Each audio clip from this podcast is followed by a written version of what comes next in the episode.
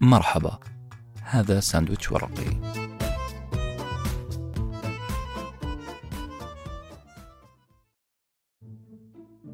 قبل فترة قدمنا كتاب بعنوان So Good They Can't Ignore You. وكان عنوان الحلقة خديعة الشغف. أكيد تتذكروه. هذاك الكتاب كانت أفكاره واضحة أو فكرته الرئيسية واضحة.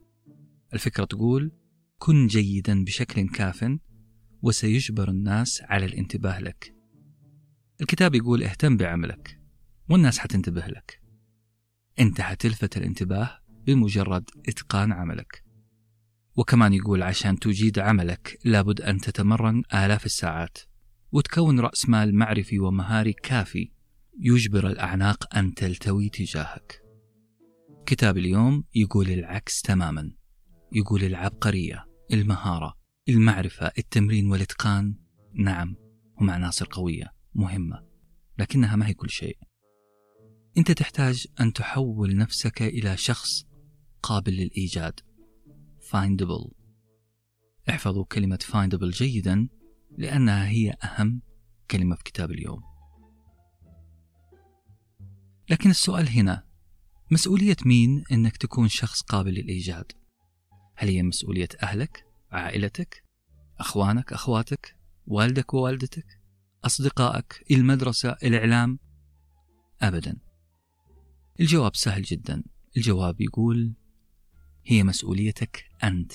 مسؤوليتك أنت. نعم أنت لازم تعمل خطة محكمة عشان تسهل على الناس اكتشافك وملاحظتك. الشخص اللي يشتكي ليل نهار بأبيات أضاعوني وأي فتى أضاعوا. هو شخص جيد. يمكن يكون محترف. طيب جدا لكنه ما جعل نفسه سهل الإيجاد إما بسبب الغموض اللي يعيشه أو الانعزال اللي يكتنفه أو ركود الروح اللي قتلته. لذلك الكتابين كتاب So Good They Can't Ignore You وكتاب Show Your Work حيتقاطعوا في نقطة إنه المهارة والإتقان مطلوبان وحيفترقوا في نقطة إن النجاح مرهون بقدرتك على إبراز مهارتك. منتجك أو فكرتك للناس. أصدقائي أكيد تعرفون قصة المرأة الإرستقراطية اللي كانت تكلم واحد من الضيوف في حفلة. هذه المرأة أخذت تتكلم عن نفسها بشكل مستفز. أنا عائلتي سيارتي بيتي سفريتي الأخيرة وظيفتي. وبعد ما لاحظت ملل الضيف حاولت تدارك الأمور وقالت له أقول لك كفاية كلام عني. خلينا نتكلم عنك أنت. إيش رأيك أنت في فستاني؟ أتوقع فهمتم مغزى القصة. بعض الناس يقول أنه موضوعنا اليوم والكتب اللي من ضمنها كتاب اليوم هي مواضيع وكتب لها علاقة بتسويق الذات أو ال self promotion وهذا الموضوع هو موضوع بغيض شوية. يشبه تصرف السيدة الأرستقراطية الغارقة في النرجسية وال self centeredness لا لا. خلوني أتدخل هنا.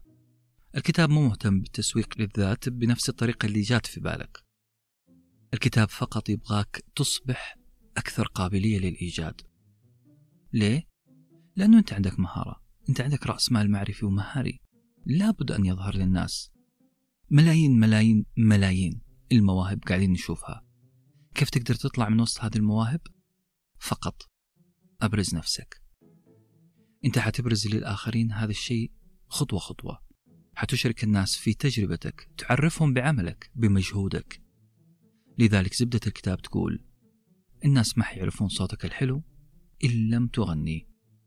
الكتاب يبغاك تغني وبصوت عالي. اللي حتسمعوه الآن يا أصدقائي رحلة في سيارتي. أنا والمؤلف أوستن كليون. الرحلة كانت وجهتها مدينة المؤلف اللي عاش فيها وأنتج فيها معظم إبداعاته. خلال هذه الرحلة راح نمر على خمس قرى. هذه القرى فشلت أن تتحول لمدن كبيرة منتجة يعرفها الناس. أوستن وخلال الرحلة كان يعلق على كل قرية على مشكلة سكانها اللي منعتهم من الشهرة اللي منعتهم من أن يروا الناس مميزاتهم. بلاش أطول عليكم اربطوا الأحزمة. وتفضلوا معنا في رحلة معايا أنا والمؤلف. أنا والمؤلف أوستن كليون في السيارة. وجهتنا مدينة يسكنها كليون. تبعد عننا مسافة أربع ساعات. المحطة الأخيرة اللي نبغى نوصل لها هي مدينة كليون. لكننا راح نمر بمجموعة قرى يعرفها كليون جيدا. طبعا أنا كنت طمعان في هذه الرحلة أني أعصر المؤلف عاصر. وأخذ منه كل المعلومات المطلوبة والغير مطلوبة الخاصة طبعا بكتاب Show Your Work. عشان كذا تركت له مساحة من الكلام تكفيني أني أجمع ضالتي بأريحية. كليون في المقابل حذرني أن الطريق لمدينته. راح يمر بخمس قرى لا يحبها أبدا. خمس قرى عاش فيها فترة وكادت أن تكون سببا في قتل موهبته. خمس قرى يجب أن يحذر منها كل طموح. كل منتج كل شخص يريد لإنتاجه أن يظهر للناس ويريد لطموحه أن يستمر. القرية الأولى قرية العباقرة. قطعنا كيلومترات لا بأس بها. كان الحوار مع كليون ممتع إلا أن الطريق ما كان ممتع أبدا. صحراء جماجم الجواميس البرية على جانبي الطريق. زادت هذا المكان وحشة. الشمس مسلطة علينا وكأنها خلقت لنا نحن الاثنين فقط. مركزة علينا تمام التمام. أشار كليون بإصبعه للوحة اللي على يسار الطريق وقال ها نحن على مشارف قرية العباقرة. هذه القرية اللي لو توقفت عندها لحفرت قبرك بيديك. أنت راح تخفي كل إمكانياتك عن العالم وتموت متحسر على عدم نجاحك. لذلك انتبه يا صديقي ولا تفكر كعبقري. وإلا فلن يجدك أحد. كلام أوستن كان مخيف وكانت قرية العباقرة أيضا مخيفة. عبارة عن أرض قاحلة إلا من بعض المحميات والبيوتات الصغيرة. الاساطير تقول أن هذه القرية لا يعيش فيها إلا مجموعة بسيطة من العباقرة. لا يسكنها ولا ينجح فيها إلا فئة معينة من الناس خلقت من طينة غير طينتنا. فيهم جينات ثائرة على العادة. هؤلاء البشر هؤلاء الناس يعتقدون أن العبقرية طفرة تحصل مع فئة معينة محددة من البشر. صفتهم الانعزال والانطواء على الذات. ناس يجيهم الإلهام في لحظة ويحل كل مشاكلهم. وإحنا نقطع الطريق السريع بجانب هذه القرية أخذ أوستن المؤلف نفس عميق حتى كدت أن أختنق. سحب الأكسجين كله من السيارة. قال لي بنبرة أسى. في لحظة من حياتي كدت أن أقتنع بأن العبقرية سر الأسرار إنها كنز محصور في مجموعة أشخاص. هذول الأشخاص مهيئون جينيا لممارسة دور العبقري المخترع والمفكر. لكن الحمد لله أنا تجاوزت هذا المعتقد وقررت عدم البقاء في هذه القرية أو التطبع بطباع أهلها. التفت لي المؤلف بحركة سينمائية مدروسة. وكأنه بطل فيلم أمريكي وقال البعض يعتقد أن العبقرية تتمثل في شخص يجلس على البيانو في قمة الاسترخاء ثم تظهر تلك اللمبة على رأسه ويصرخ بأعلى صوته وجدتها. معظمنا يعتقد أنه هذه اللمبة اللي تطلع فوق رأس المفكر العظيم هي ومضة إلهام. أنه هذه اللمبة تجي بس لفئة معينة من الناس. نعم أنا شخصيا ما أقدر أنكر أنه بعض الناس فعلا تجيهم لحظات إلهام وبعضهم جينيا مهيئين بأن يكونون عباقرة لكن أنا ضد حصر العبقرية في مجموعة محددة من الناس. هذه هي الأسطورة الأسطورة اللي انخدعنا فيها سنين طويلة. أوستن لاحظ أني غير مقتنع أنه هذه الالتفات الهوليوودية اللي عملها ما نفعت معي لاحظ أني بدأت أتمتم بكلمات غير مفهومة توحي بأني ممتعض ومعترض. هذا الشيء دفعه أن يرد على تمتمتي قائلا. عزيزي في طريقة أكثر عدلا واعتدالا للنظر في مفهوم العبقرية. بدلا من كلمة جينيوس أو فرد عبقري إحنا حنستخدم كلمة سينيوس أو مجموعة عقول عبقرية تعمل مع بعضها البعض. سينيوس هو الاسم الذي أطلقه الموسيقار برايان آنو. أطلقوا على فكرة أنه مجموعة من العباقرة يجتمعون مع بعض ويتشاركون الأفكار وينتجون عملا عبقريا. هذه العقول العبقرية أشبه بعمل جسم الإنسان. الإنسان لا يستطيع أن يتوازن بدون الأذن الوسطى، العضلات، العظام والدماغ. ما في عملية حرق طاقة من غير دورة دموية، قوانين فيزياء، وانقباض وتقلص واستنشاق أكسجين وإخراج ثاني أكسيد الكربون. العبقرية والإبداع يا صديقي. مفهوم تكاملي. ينجزه مجموعة من العقول. لا عقل واحد عبقري. العبقرية ليست تفرد شخص واحد. يتأمل في السماء أو يسترخي في البانيو أو يلتقم بفمه غليون إنجليزي فاخر مصنوع من خشب الصنوبر أوستن اكتشفني بدأت أقتنع وهو ذكي. اقتنص هذه الفرصة وبدأ يتكلم عن مدينته اللي لازلنا في طريقنا إليها. قال في مدينتي ستجد الكثير من السينيوس ستجد الكثير من العقول الخلاقة الماهرة التي تعمل مع بعضها البعض. الحلو في التفكير في طريقة الفريق العبقري أو السينيوس هو أنه ترك لنا مساحة إحنا يا باقي البشر أن نكون عباقرة. إحنا يلي نرى في أنفسنا أننا لسنا عباقرة. إذا ابتعدنا عن فكرة الجينيوس العبقرية الفردية وفكرنا في العبقرية الجمعية سينيوس إحنا راح نركز على ماذا يمكن أن نقدم للفريق. كيف أستغل إمكانياتي المتفردة في عمل جماعي؟ في هذه الحالة المهارة لن تكون كل شيء. هذا هو جمال فكرة السينيوس. المهارة لن تكون كل شيء. كذلك إحنا ما حنلغي دور مهارات وإمكانيات الفرد الواحد بل فقط نقول أن الإبداع والعبقرية هي تعاون تكامل تلاقح مجهودات أفراد وليست مهارة فرد واحد. إحنا نعيش في عصر تستطيع أن ترى فيه العبقرية الجمعية أو عبقرية الفريق بشكل واضح. عصر الإنترنت. الإنترنت عبارة عن مجموعات فرق عمل ما تفصلهم حدود جغرافية ما عاد في شيء اسمه جبال أو سهول. العالم مسطح الآن. عندنا ثقافة الميت أب. حتقدر تجتمع بناس لهم نفس اهتماماتك لهم نفس ميولك وظيفتك وتطوروا داخل هذا المجتمع اللي يسمى بالمجتمع الوظيفي Community of Practice. وركز لي على هذه الكلمة لأنها صارت كلمة ترند يكمل أوستن قائلا خارج الحدود الجغرافية ومن خلال الإنترنت. ما عاد في حسيب أو رقيب. ما عاد في موانع لأي فريق أن يعمل مع بعضه البعض بتكامل بانسجام بتناغم. لذلك هذا الاحتكاك ضروري عشان يطور فكرتك عشان يعرف الناس فيك عشان يقتبس بعض الناس فكرتك وينسبوها أحيانا لأنفسهم وأحيانا يرجعون الفضل لك. بالتالي أنت حتضطر على التطور والنبش من أول وجديد لحد ما فعلا تنتج شيء عبقري حتصير عبقري. وسط مجموعة عباقرة. الناس بهذه الطريقة ستجدك مو لأنك فرد عبقري. لا بل لأنك فرد من مجموعة عباقرة ترتقي ببعضها البعض ولأنك أصبحت سهل الإيجاد.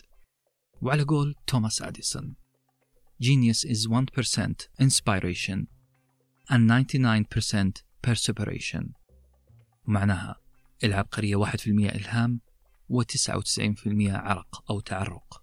نعم العبقرية 99% تعب وجهد وتخطيط. العبقرية عمل ومجهود جمعي.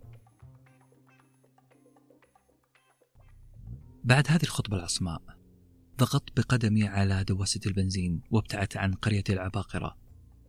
عشان نقترب أكثر وأكثر من القرية الثانية اللي اسمها قرية المحترفين. القرية الثانية قرية المحترفين. كانت الطريق وعرة وتزداد مع كل كيلومتر وعورة. حتى ملامح وجهنا بدت وعرة وجوه مليئة بالمطبات والحفر. طبيعي لأن المؤلف بدأ يحذرني من القرية القادمة في الطريق قرية المحترفين. على حد تعبيره هي قرية تفوح منها رائحة التعالي والجمود. كلام كبير.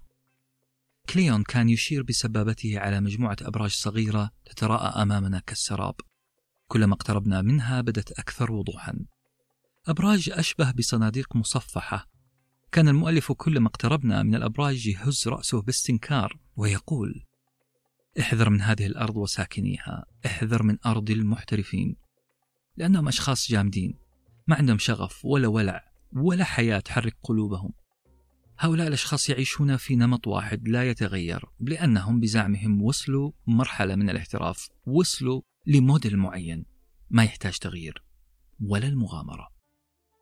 أوستن قفل قزاز السيارة وكأنه حتى ما يبغى أن يمس هواء هذه الأرض جسده وقال سكان هذه المدينة محترفين نعم. وكلمة محترف على فكرة كلمة لافتة للأذن وأصبحت مطلب كل إنسان. كلنا يا صديقي نخاف أن نظهر أمام الناس كهو وكأن كلمة هاوي كلمة عيب.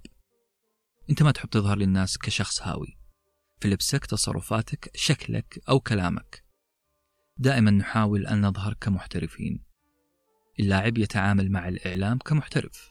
نظرة معينة طبقة صوت معينة إيماءات معينة. المغني كذلك يقف على خشبة المسرح كمحترف. مندوب التسويق يلبس لبس معين ويتقدم للزبائن باحتراف. كل هذا شيء كويس لكن إحنا قدسنا كلمة محترف واحتراف زيادة عن اللزوم. الحقيقة إحنا وبكل توحش ظلمنا كلمة هاوي. في هذه اللحظة أنا كشرت عن أنيابي. بالأصح أنا كشرت في وجه كليون كذا too much يا أوستن بل three much وإذا سألتوني ليه راح أقول لأنه كلمة احتراف ومحترف شيء مهم عندي. ما أبغاها تكون تهمة على لسان كليون ما أخفيكم سر أنه أوستن لاحظ حواجبي المعقودة وجبيني المقطب.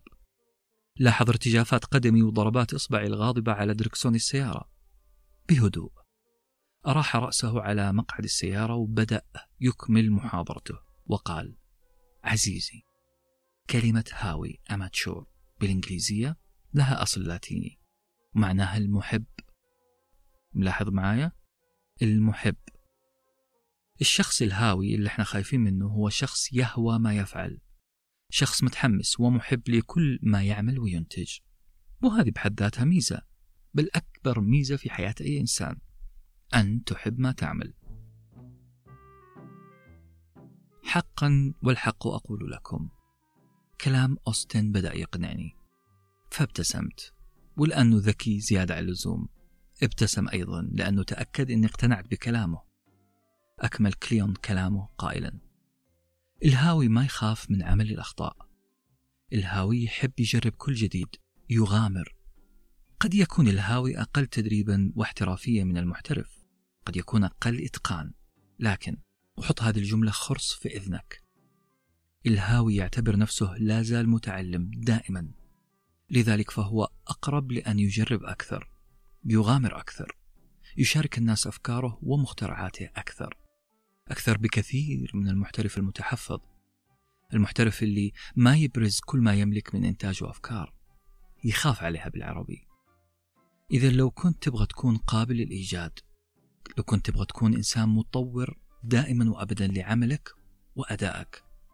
خليك بروح الهاوي المنطلق المجرب. شارك الناس ما تمتلك من مهارات. يا سلام يا صديقي. لو استطعنا أن نجمع بين روح الهاوي الروح الشغوفة وبين أداء وانضباط المحترف المتقن. هذه هي المعادلة الصعبة اللي أبغاك تتعلمها. على فكرة في مدينتي راح تلاقي ناس كثير زي كذا. بعد هذا الكلام لا إراديا. انتفض جسدي. انتفض حماسة كروح الهواء. وارتفعت ثقتي في نفسي كقائد سيارة محترف. انطلقت بأقصى سرعة للقرية التالية. قرية الأسوار. القرية الثالثة قرية الأسوار. نسيت أقول لكم أن الجو كان صحو خلال انطلاقنا لقرية الأسوار. نعم توجد قليل من الدوامات الهوائية هنا وهناك لكن هذا ما أزعجنا اللي أزعجنا فقط الشمس الحارقة اللي تفننت في ساديتها معنا. على جانبي الطريق كانت هناك أسوار طويلة من الإسمنت المسلح تحيط بالقرية الثالثة. اقترح علي أوستن أني أسرع شوية أدعس على دواسة البنزين أكثر لأننا لن نرى شيئا مفيدا طوال الطريق المجانب لقرية الأسوار. فبحسب تعبير كليون هذه القرية عبارة عن أسوار خلفها أناس لا نعلم ولا نعرف عنهم شيئا. خلف هذه الأسوار أناس فشلوا في إبراز عملهم للآخرين. ما حد يعرف عنهم أي شيء. نعم هم بارعون ولكنهم متحفظون على حياتهم الشخصية والعملية. منعونا أنا وإنت وباقي البشر من رؤية تفاصيل حياتهم وتحركاتهم. هذا التترس منعنا من معرفة سكان القرية وإمكانياتهم. لذلك احذر أن تكون متترس مثلهم وإلا فسيصعب على الناس إيجادك. كليون كان يحاول يقنعني بقاعدة. هذه القاعدة تساعدنا على الانتشار وهي ور الناس ما يحصل خلف الكواليس. وقال لي جملة مهمة. ما تلاحظ أنه معظم مسلسلات السيت كوم مسلسلات الكوميدية كوميديا الموقف تنزل حلقات بعنوان بلوبرز يعني حلقات ما خلف الكواليس. إحنا كبشر عندنا فضول نعرف تفاصيل حياة الفنانين. نبى نعرف كيف تصير اللخبطة. كيف يعيدون التسجيل؟ كيف هي ضحكاتهم وزلاتهم؟ إحنا بشر نحب نعرف أكثر عن تفاصيل حياة البشر. لذلك عشان تظهر عملك وتظهر نفسك اعمل لنفسك تسريبات ذكية. اعمل تسريبات لكل ما يحدث معك خلف الكواليس. بعد كذا كليون قاعد يكلمني عن بعض حلقات اليوتيوب الخاصة بما خلف الكواليس لمسلسل فريندز وجيري ساينفيلد. ربع ساعة كاملة وهو يتكلم وأنا نفسي أقول له تراني شفتها وحفظتها. روح للي بعده. كان أوستن يحدثني بأن جميعنا ننتج ونبدع لكن الشخص اللي يستطيع أن يري الناس جزء من مرحلة الإبداع اللي يقدر يعيش الناس بعض خطوات الإنتاج هو الشخص القابل للإيجاد. قال أوستن بالنص الرسام ممكن يقدم لنا نوعين من الإنتاج. المنتج الأول هو اللوحة اللي يحيطها إطار فخم. نعم هي المنتج النهائي اللوحة. لكن في منتج آخر أهم هي الأدوات والمراحل اللي أنتجت هذه اللوحة. زي الإلهام الجهد التعب المعاناة. ساعات التفكير ساعات الرسم والتغيير والمزاج السيء. والمزاج الجميل طبعا. بكلمة واحدة عندنا نوعين من الأشياء اللي تظهرها للناس. المنتج النهائي ال product وعملية الإنتاج ال process. معظم الرسامين يركزون على الأول ال product المنتج. يهتمون جدا باللوحة وإظهارها بالشكل الأمثل. وما ألومهم لأنه كثير من النقاد والفنانين كانوا يحذرون أيما حذر. من أن يرى الناس خلطتك السرية. من أن يرى الناس ماذا تعمل. طبعا في سببين لهذا الشيء. سببين لهذا التحذير. الأول أنه يجب ألا تكشف أسرارك. مصادر قوتك مصادر إلهامك للآخرين. والسبب الثاني ألا يراك الناس في الحالة المزرية من التعب والجهد. لازم تطلع لهم بالشخص الأنيق الشخص اللي ينتج بدون أي تعب. حكى لي أوستن قصة مهمة قصة المغني أدريان يون. يون رمى تغريدة طائشة في تويتر. سأل فيها الناس سؤال عام من هي الفرقة الأفضل في رأيكم فرقة دراماتيكس أو فرقة ديلفونيكس هذه التغريدة تسببت في لغط وجدل وحوارات طويلة بين متابعي هذا المغني. ما يهمنا اللي يهمنا شيء ثاني واحد من ال fans واحد من جمهور أدريان. قال إنه والده كان صديق أحد أفراد فرقة ديلفونيكس. عارفين هذا معناه إيه؟ عارفين اللي حصل بعدها؟ ثاني يوم حصل اتصال بين أدريان وبين هذا الشخص واستطاع أن يصل لفرقة ديلفونيكس. ثم حصل تعاون بعدها بينهم وأنتجوا ألبوم كسر الدنيا. السبب؟ التعاطي مع الناس بطريقة اجتماعية لطيفة حيفتح لك ألف باب وسيظهر عملك بلا شك. قبل شوي تكلمنا عن البلوبرز اللي ذكرها أوستن. البلوبرز هي لخبطة الفنانين في التمثيل وهي حلقة على فكرة من أقوى الحلقات اللي الجمهور يحب يتفرج عليها. تحبب الناس في الفنان والمنتج الفني.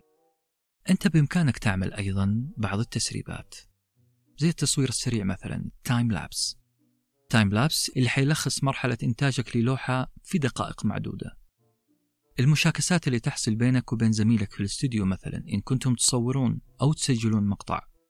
لحظات كتابة السيناريو ضحكاتكم على القفشات وال punch lines كلها كنوز. لازم تحتفظ فيها ثم تسربها. أعمل لك حاجة زي الويكيليكس التسريبات اللي تحدث خلف الكواليس خلف كواليس إنتاجك. أبرز للناس عملية الإنتاج مو بس المنتج النهائي بل عملية الإنتاج. عيش مع الناس واسمح لهم يعيشون معك. الأرض الرابعة أرض الفرصة الواحدة. بعد أربع ساعات في الرحلة كان لابد أن نتوقف أنا وأوستن عند مطعم. كان المطعم خشب في خشب. طلبت أنا برجر لحم مع تشيبس وطلب صديقي كرات البطاطا بالبقسماط الناعم. وحوالينها مكرونة رافاييلو مبهرة ببهارات الأورغانو الإيطالية. سرد طلبه هذا بكل التفاصيل. الحقيقة أنا انبهرت. انبهرت بدقة الطلب. كان أوستن محضر مختبر. يفصل لنا معادلة كيميائية. قلت في نفسي خليني ألطف الجو شوية وأمزح مع أوستن وأقول له لو كنت أنا مكان الجرسون بعد طلبك هذا كان استقلت ثاني يوم. رد أوستن مباشرة. وهذا هو سبب فشل معظم سكان هذه القرية. الملل التردد عدم الاستمرارية.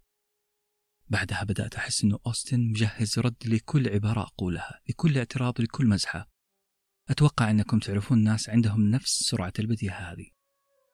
أوستن قال الوجبة اللي قدامي الآن أخذ الشيف في إتقانها عشر سنوات. صارت أشبه بثقافة خاصة بالمطعم.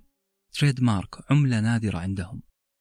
وقبل ما أسأله أو أعترض بأني سئمت من قصص النجاح اللي يعاني فيها صاحب مشروع سنين وسنين من المعاناة أكمل أوستن قائلا. معظم المطاعم اللي فتحت في هذه القرية كانت تحط خطة عمل معينة وتنطلق فيها بنجاح لكن بعد فترة تقفل فجأة والسبب أن الناس ممكن تتعود على هذه الوجبات وتمل منها وكذلك يمل العمال من روتينهم عارف إيش غلطة هذه المطاعم؟ عارف ليش هذا المطعم بالذات هو الوحيد اللي نجح؟ إنه ما استعجل النجاح إنه قاعد عشر سنوات يتقن الطبخ لحد ما وصل لمرحلة التشبع المعرفي والمهاري وصنع من نفسه تريد مارك النجاح يا صديقي ما هو خبطة واحدة انسى الأمثال البائسة والكليشات المملة اللي تقنعك بأن الفرصة ما تيجي إلا مرة واحدة في العمر. يا تلحقها يا ما تلحقها. لا النجاح سنين وسنين من العمل والجهد والتضحية. قد يتطلب إنجاز شيء يستحق الالتفات له عمرك كامل. المهم هنا مو إنك تنتظر اللحظة النهائية اللي تفتخر فيها بمنتجك النهائي، لا ابدا. بل افتخر وابرز ما يحدث معك اليوم وكل يوم. انسى يا أخي السنين، انسى الشهور. خليك مركز على الأيام. استمتع بالأيام واستمتع بإتقانك لما بين يديك. بالعربي وثق تفاصيل يومك المليء بالإنجازات وشاركه مع الآخرين. وبعد فترة صمت بدأت تتراءى لنا القرية الخامسة قرية الزهاد. القرية الخامسة قرية الزهاد. على بعد كيلومتر واحد من أرض أوستن من مدينة أوستن اللي ناويين نوصلها. دخلنا منطقة متقشفة. وليه وصفتها بمتقشفة؟ لأن الناس اللي فيها واضح عليهم التقشف. أعمدة الكهرباء تعيسة جدا. الناس ملابسهم رثة. الأسواق باهتة الألوان. أوستن قطع حيرتي وقال لا تحاول تلتفت لهم. هؤلاء هم أعداء المال. هذول شعارهم الفلوس وسخ دنيا انتبه يا صديقي من أرض الزهاد. أكمل أوستن قائلا الناس تحتاج أن تأكل وأن تدفع إيجاراتها. الرسام الهاوي هو شخص يدعم مصادر دخله من الرسم عنده وظيفة وهوايته وحبه وشغفه الرسم. الفن بدون ما يدر عليك فلوس هو وهم كبير يعيشه بعض الفنانين. انت لازم تستفيد من فنك ماليا. لازم تجعله مصدر دخل إضافي على الأقل. كان أوستن يكلمني وأنا سارح بخيالي في أشخاص أعرفهم. كانوا دائما يستخدمون عبارة الفلوس وسخ دنيا ناس وهبوا حياتهم للفن والشعر والأدب. ناس عاشوا ضحايا أسطورة الفنان الجائع أو الفيلسوف المعدم. هذه نظرة رومانسية منتهية الصلاحية. جميلة نعم لكنها انتهت.